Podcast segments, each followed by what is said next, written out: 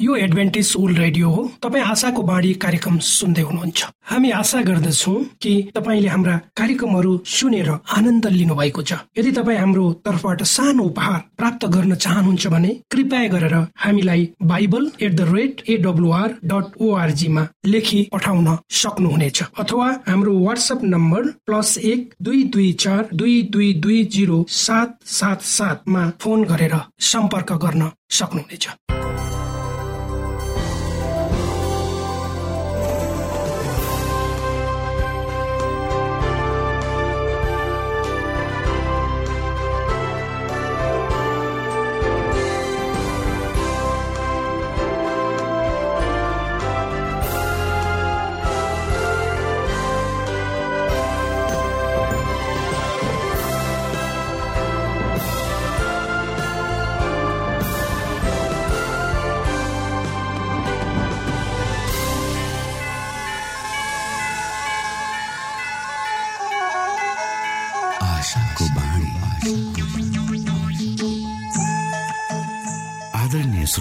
नमस्कार। यो समय तपाईँ एडभेन्टिस्ट ओल्ड रेडियोको प्रस्तुति भोइस अफ होप आशाको बाणी कार्यक्रम सुन्दै हुनुहुन्छ। कार्यक्रम प्रस्तुता म रवि यो समय तपाईँको साथमा छु। हामी यहाँलाई हाम्रो कार्यक्रममा सहभागी हुनका लागि अनुरोध गर्दछौ। हामी साँचो परमेश्वर तपाईँलाई माया गर्ने परमेश्वर तपाईँलाई उद्धार गर्न चाहने परमेश्वरका विषयमा जानकारीहरू प्रस्तुत गर्ने क्रममा छौ। सुरुमा सुनौ यो आत्मिक भजन। कसैले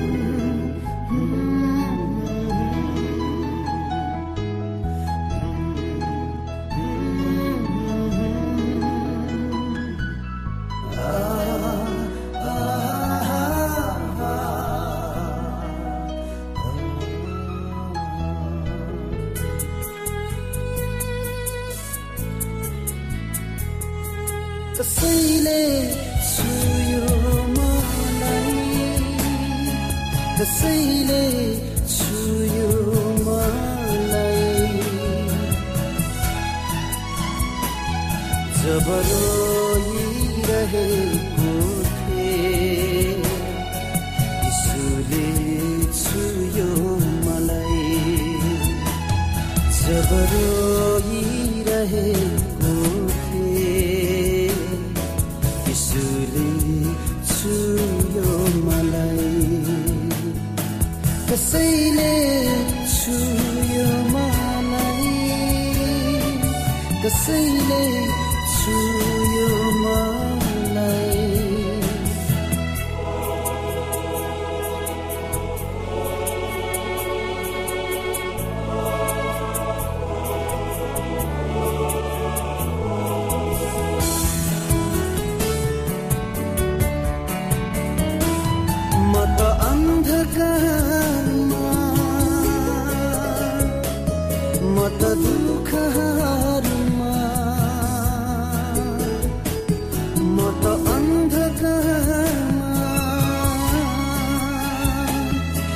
त दुःखहरूमा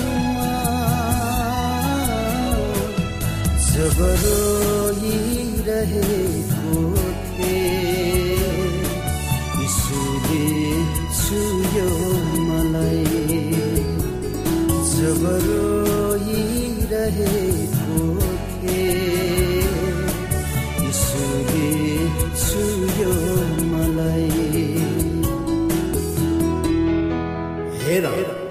तिम्रै साथमा छु। मैले तिमीलाई भनेकै थिएँ। तिमीलाई छोड्ने छैन न त त्याग्ने नै छु। तिम्रो नाउँलाई मैले मेरो हत्केलामा खोपेर राखेको छु। मेरो आवाजलाई सुन।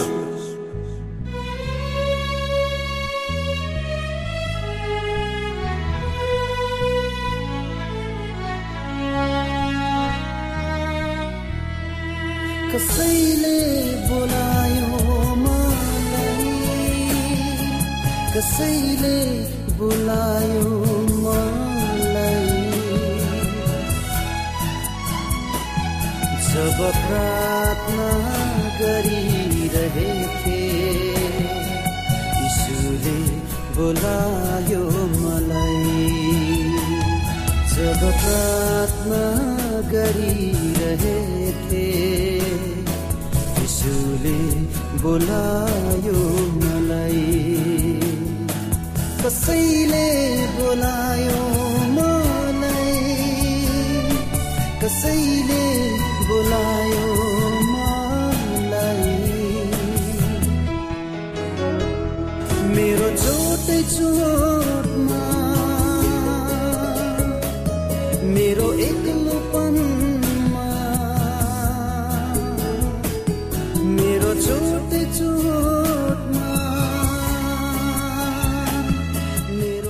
समय तपाईँ एडभेन्टिस्ट ओल्ड रेडियोको प्रस्तुति भोइस अफ होप आशाको बाणी कार्यक्रम सुन्दै हुनुहुन्छ।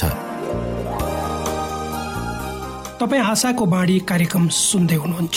हामी आशा गर्दछौ कि तपाईँले हाम्रा कार्यक्रमहरू सुनेर आनन्द लिनुभएको छ। यदि तपाईँ हाम्रो तर्फबाट सानो उपहार प्राप्त गर्न चाहनुहुन्छ भने कृपया गरेर हामीलाई bible at the rate AWR dot ओआरजीमा लेखी पठाउन सक्नुहुनेछ। अथवा हाम्रो वाट्सएप नम्बर प्लस एक दुई दुई चार दुई दुई दुई जिरो सात सात सातमा फोन गरेर सम्पर्क गर्न सक्नुहुनेछ। श्रोता मित्र यो समय हामी पास्टर उमेश पोखरेलबाट आजको बाइबल सन्देश सुन्नेछौ। श्रोत साथी न्यानो अभिवादन साथ म तपाईँको आफ्नै आफन्त अर्थात् पास्टर उमेश पोखरेल परमेश्वरको वचन लिएर यो रेडियो कार्यक्रम मार्फत पुनः तपाईँहरूको बीचमा उपस्थित भएको छु। श्रोता आउनुहोस् तपाईँ हामी केही समय परमेश्वर सँगसँगै बिताउँ। मलाई आशा छ तपाईँले हाम्रा कार्यक्रमहरू नियमित रूपमा सुनिरहनु भएको छ र परमेश्वरका प्रशस्त आशिषहरू प्राप्त गर्दै हुनुहुन्छ। श्रोत साथी आजको प्रस्तुतिलाई पस गर्नुभन्दा पहिले आउनुहोस् हामी परमेश्वरमा अगुवाईको लागि बिन्ती राख्नेछौँ। जीवित जिउँदो महान दयालु परमेश्वर प्रभु हामी धन्यवादी छौँ यो जीवन र जीवनमा दिनुभएका प्रशस्त आशिषहरूको लागि। प्रभु यो रेडियो कार्यक्रमलाई म तपाईँको हातमा राख्दछु। यसलाई तपाईँको राज्य र महिमाको प्रचारको खातिर यो देश र सारा संसारमा पुर्याउनुहोस् ताकि धेरै मानिसहरूले तपाईँको ज्योतिलाई यो कार्यक्रम मार्फत देख्न सकुन् बुझ्न सकुन्। सबै बिन्ती प्रभु यीशुको नाममा। आमेन।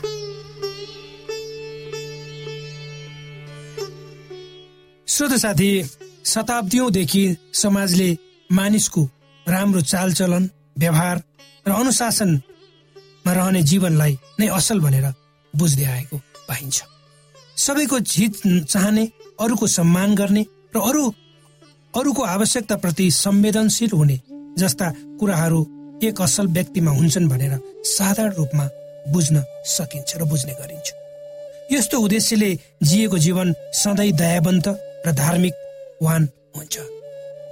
जब हामी असल जीवनको बारेमा सोध्छौँ तब हाम्रो मनमा यस्ता जब हामी असल जीवनको बारेमा सोध्छौँ तब हाम्रो मनमा यस्तो जीवन जसले आफूलाई मात्र नभएर अरूलाई सन्तुलित जीवन जिउन प्रेरित गरोस्।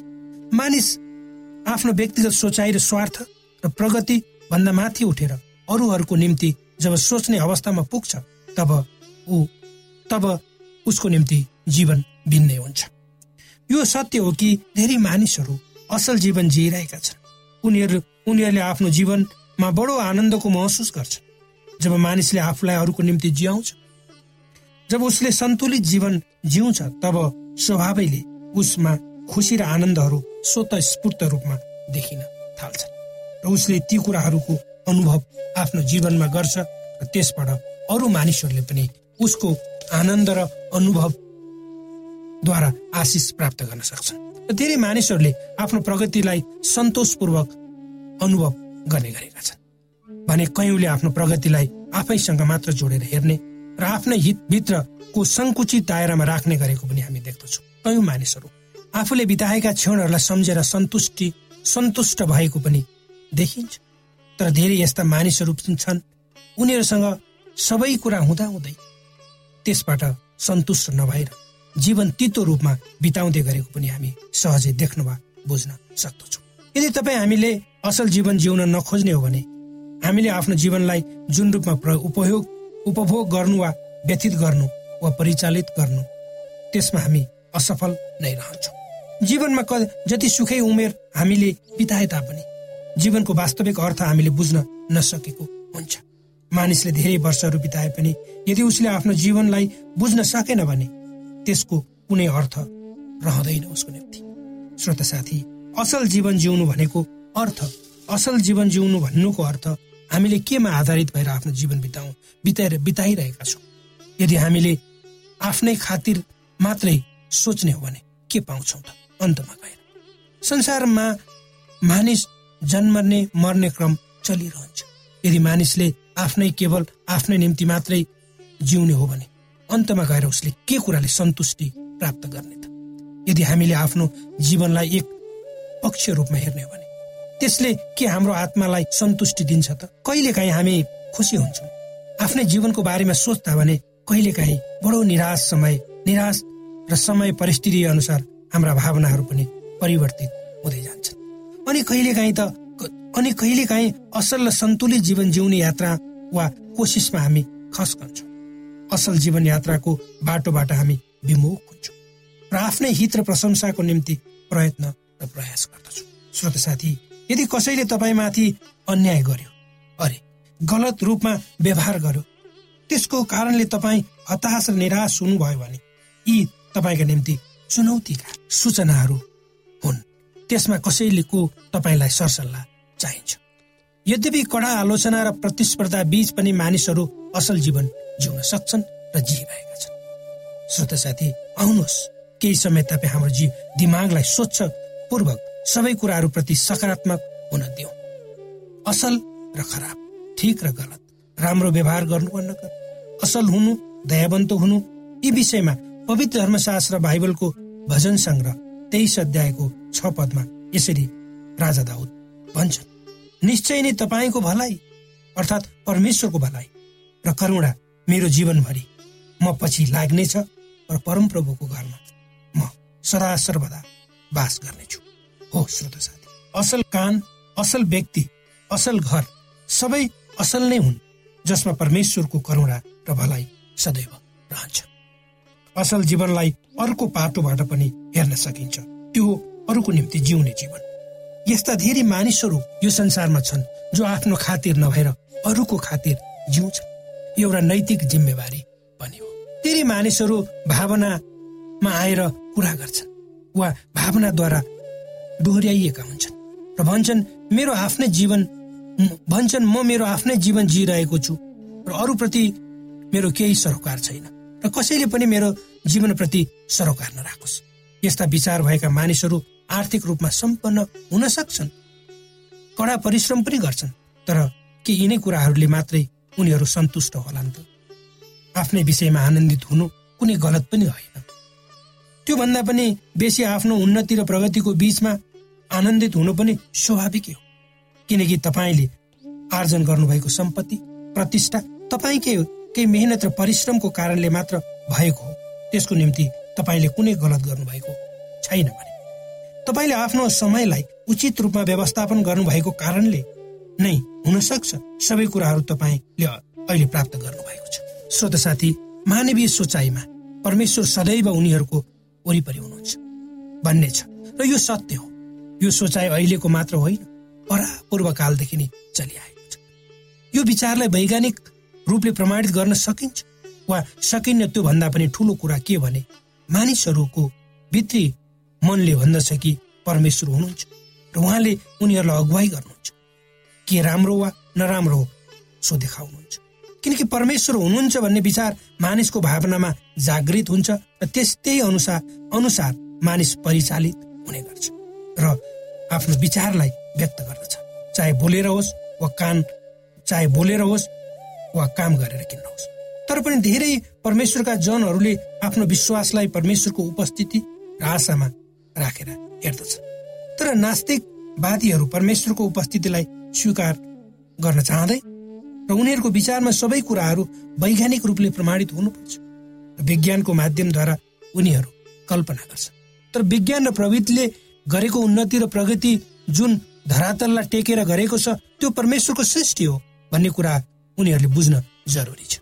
श्रोत साथी जो मानिस असल जीवन जिउँछ त्यसले आफ्नो जीवनलाई बुझेको हुन्छ र उचित रूपमा त्यसलाई परिचालित गरेको कारणले उसले असल जीवन जिएको मानिन्छ।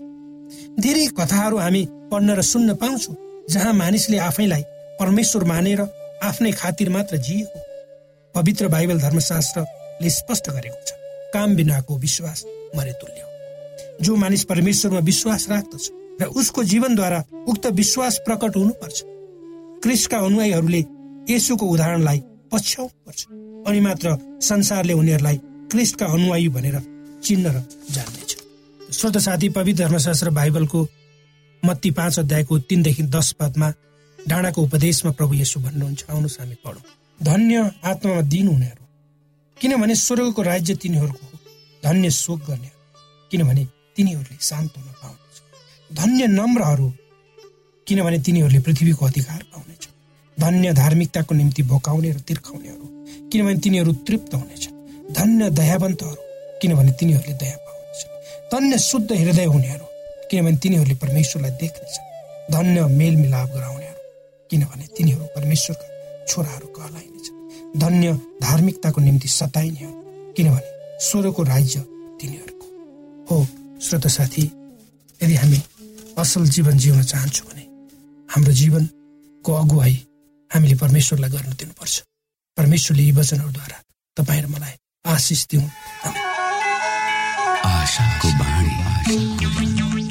श्रोता भर्खरै यहाँले पास्टर उमेश पोखरेलबाट बाइबल वचन सुन्नुभयो। यो समय तपाईँ एडभेन्टिस्ट ओल्ड रेडियोको प्रस्तुति भोइस अफ होप आशाको बाणी कार्यक्रम सुन्दै हुनुहुन्छ। कार्यक्रम सुनेर बस्नुहुने सबै श्रोतालाई हामी हाम्रो कार्यक्रममा स्वागत गर्न चाहन्छौ। श्रोता मित्र यदि तपाईँ जीवनदेखि हरेस खानु भएको छ तपाईँका जीवनमा धेरै अनुत्तरित प्रश्नहरू छन् भने आउनुहोस् हामी तपाईँलाई परमेश्वरको ज्योतिमा डोहोर्याउन चाहन्छौँ। र तपाईँ आफ्नो जीवनका चिन्ता फिक्रीबाट निश्चिन्त हुनुहोस् र बाँच्नुको आनन्द परमेश्वरको सामिप्यमा कति मिठो हुन्छ त्यो चाख्नुहोस् भनी हामी चाहन्छौँ। श्रोता यदि तपाईँ आशाको बाणी कार्यक्रमलाई अनलाइन सुन्न चाहनुहुन्छ वा डाउनलोड गर्न चाहनुहुन्छ भने डट ओआरजीमा जानुहोस्। त्यहाँ तपाईँले प्रत्येक दिनको कार्यक्रम सुन्न र डाउनलोड गर्न सक्नुहुनेछ। हाम्रो वेब पेज यस प्रकार छ www.awr.org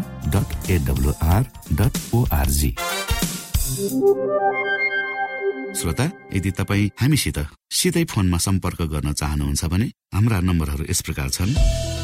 अन्ठानब्बे एकसाठी पचपन्न शून्य एक सय बिस अन्ठानब्बे एकसाठी पचपन्न शून्य एक सय बिस र अर्को अन्ठानब्बे अठार त्रिपन्न पन्चानब्बे पचपन्न. अन्ठानब्बे अठार त्रिपन्न पन्चानब्बे पचपन्न। यो एडभेन्टिस ओल्ड रेडियो हो। तपाईँ आशाको बाणी कार्यक्रम सुन्दै हुनुहुन्छ। यस सम्बन्धी थप जानकारीको लागि कृपया गरेर हामीलाई सम्पर्क राख्न सक्नुहुनेछ। हाम्रो इमेलको ठेगाना bible at the rate AWR dot org अर्थात् B I B L E at AWR dot org हो।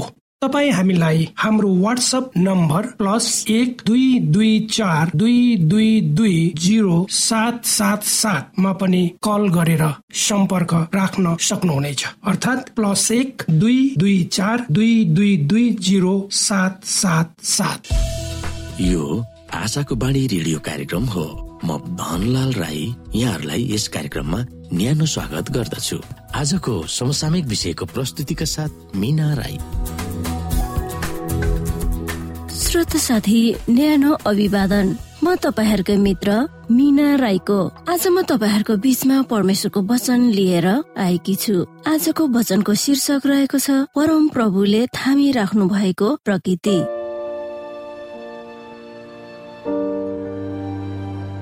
श्रोत साथी कलसी एकको सत्रमा यसरी लेखिएको छ। उहाँ नै सबै कुरा भन्दा अगाडि हुनुहुन्छ र उहाँमा नै सबै कुरा बाँधिएर रहेका छन् वा रहिरहेका छन्। यस भौगोलिक पृथ्वीका मामिलामा यसमा चाहिएको यावत थोकहरूको रचना सृष्टिका दिनहरूमा नै सम्पन्न वा पूरा भइसकेको थियो। पावलले यसलाई स्पष्ट रूपमा यसरी पुष्टि गर्दछ। उहाँका कार्यहरू संसारको उत्पत्तिदेखि नै पूरा भइसकेका थिए। हिब्रू चारको तीन। तर उहाँले सृष्टिमा रचिएका कामहरूलाई सम्हालिराख्न वा थामी राख्न अहिले पनि हाम्रो आफ्नो शक्तिलाई परिचालन गर्नुहुन्छ। प्रत्येक पल्ट फेरिने सास र मुटुको धड्कनले उहाँले हामीलाई हेरचाह गर्नुहुन्छ भनेर प्रमाणित गर्दछ। उहाँमै हामी जिउँछौ चल्छौ र हाम्रो अस्तित्व निर्धारित भएको छ। श्रोता पृथ्वीले उदारतापूर्वक उत्पन्न गरेका सबै तत्वहरू र सूर्यको वरिपरि प्रत्येक वर्ष घुम्ने पृथ्वीलाई चाहिने शक्ति तिनीहरू आफैमा अन्तर्निहित छैन। अर्थात् आफ्नै शक्तिले चलेको हुँदैन। आकाशमा घुमिरहने ग्रहहरूलाई अन्त्य हातले अगुवाई गरिरहेको छ। स्वर्गको परमप्रभु बिना रोकतोक चौबिसै घण्टा निरन्तर रूपमा यस पृथ्वीलाई थामिराख्न खटिरहनुहुन्छ वा काम गरिरहनुहुन्छ। उहाँकै शक्तिले वनस्पति फस्ताउँछ। बोट बिरुवाहरूमा निस्किने प्रत्येक पात र प्रत्येक फुल्ने फुल उहाँकै शक्तिको काम हो। आकाशबाट झर्ने प्रत्येक पानीको थोपा हिउँको प्रत्येक कण घाँसको प्रत्येक पात बोट बिरुवाहरूमा उम्रिने प्रत्येक पात प्रत्येक फुल र झाङ वा झाडीले परमप्रभुको अस्तित्वलाई प्रमाणित गर्दछ। परमप्रभु भन्नुहुन्छ भनेर तिनीहरूले चिच्याइरहेका हुन्छ। हाम्रा वरिपरि रहेको प्राकृतिक सम्पदाको साधारण र मानिसले वास्ता नगरिएको सानो तिनो थोकहरूले हामीलाई पाठ सिकाउँदछ। अनन्तको परमप्रभुले ती सबैलाई ख्याल गर्नुहुन्छ र उहाँले कुनैलाई पनि सानो भनेर व्यवस्था गर्नुहुन्न। श्रोता साथी कतिले सिकाउँछन् कि भौतिक पदार्थमा सजीव शक्ति वा चलिरहने तत्व आफैमा छ। प्रकृति निर्धारित नियममा सञ्चालन हुन्छ। जुन परमप्रभु आफैले पनि हस्तक्षेप गर्नुहुन्न। विज्ञानको नाउँमा यस्तो खालको धारणा राख्नु गलत हो। यो बाइबल सम्मत छैन। प्रकृति उनको सृष्टिकर्ताको सेवक हो। परमप्रभुले आफ्ना व्यवस्था वा नीतिहरू रद्द गर्नुहुन्न वा तिनीहरूको विपरीत चल्नुहुन्छ। तर तिनीहरूलाई निरन्तर रूपमा उहाँकै औजारको रूपमा प्रयोग गरिरहनु हुन्छ प्राकृतिकमा परमप्रभुको हातका कामहरूमा परमप्रभु आफै तिनीहरूमा हुनुहुन्छ। प्रकृतिले परमप्रभुको विचारलाई व्यक्त गर्दछ। त्यही पनि प्रकृतिलाई होइन तर प्रकृतिको सृष्टिकर्ता परमप्रभुको प्रतिष्ठा र गौरवलाई उचाल्नु पर्दछ। श्रोता परमप्रभु पिता र पुत्रले प्रकृतिमा निरन्तर रूपमा काम गरिरहनुहुन्छ। यसुले भन्नुभयो मेरा पिताले अहिलेसम्म काम गरिरहनु भएको छ र म पनि काम गरिरहन्छु। योहना पाँचको सत्र। अन्तरिक्षमा भएका पृथ्वी र अनेकौं ग्रहहरूलाई सम्हालिराख्ने हात जङ्गललाई नियमित र क्रमबद्ध परिपाटीमा चलाउने हात र सारा जगतमा सञ्चालित सबै क्रियाकलापहरूलाई नथाकिकन समर्थन वा हिफाजत गर्ने हातमा नै हाम्रो निम्ति क्रुसमा किला ठोकिएको थियो। यी कुराहरूमा आज हामीले विचार गर्नु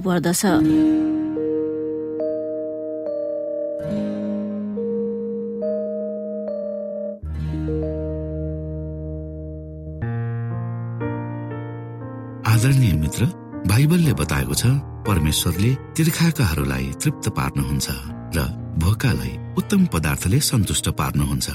हामीलाई दिइएको यो छोटो समय आशाको बाणीको प्रस्तुतिको समयमा हामीले हाम्रा श्रोताको आत्मिक भोकलाई केही मात्रामा भए तापनि सही प्रकारको खुराक पस्केर आत्मिक सन्तुष्टि दिन सकेका छौँ केही ऊर्जा थप्न सकेका छौँ भनेर हामीले आशा राखेका छौँ।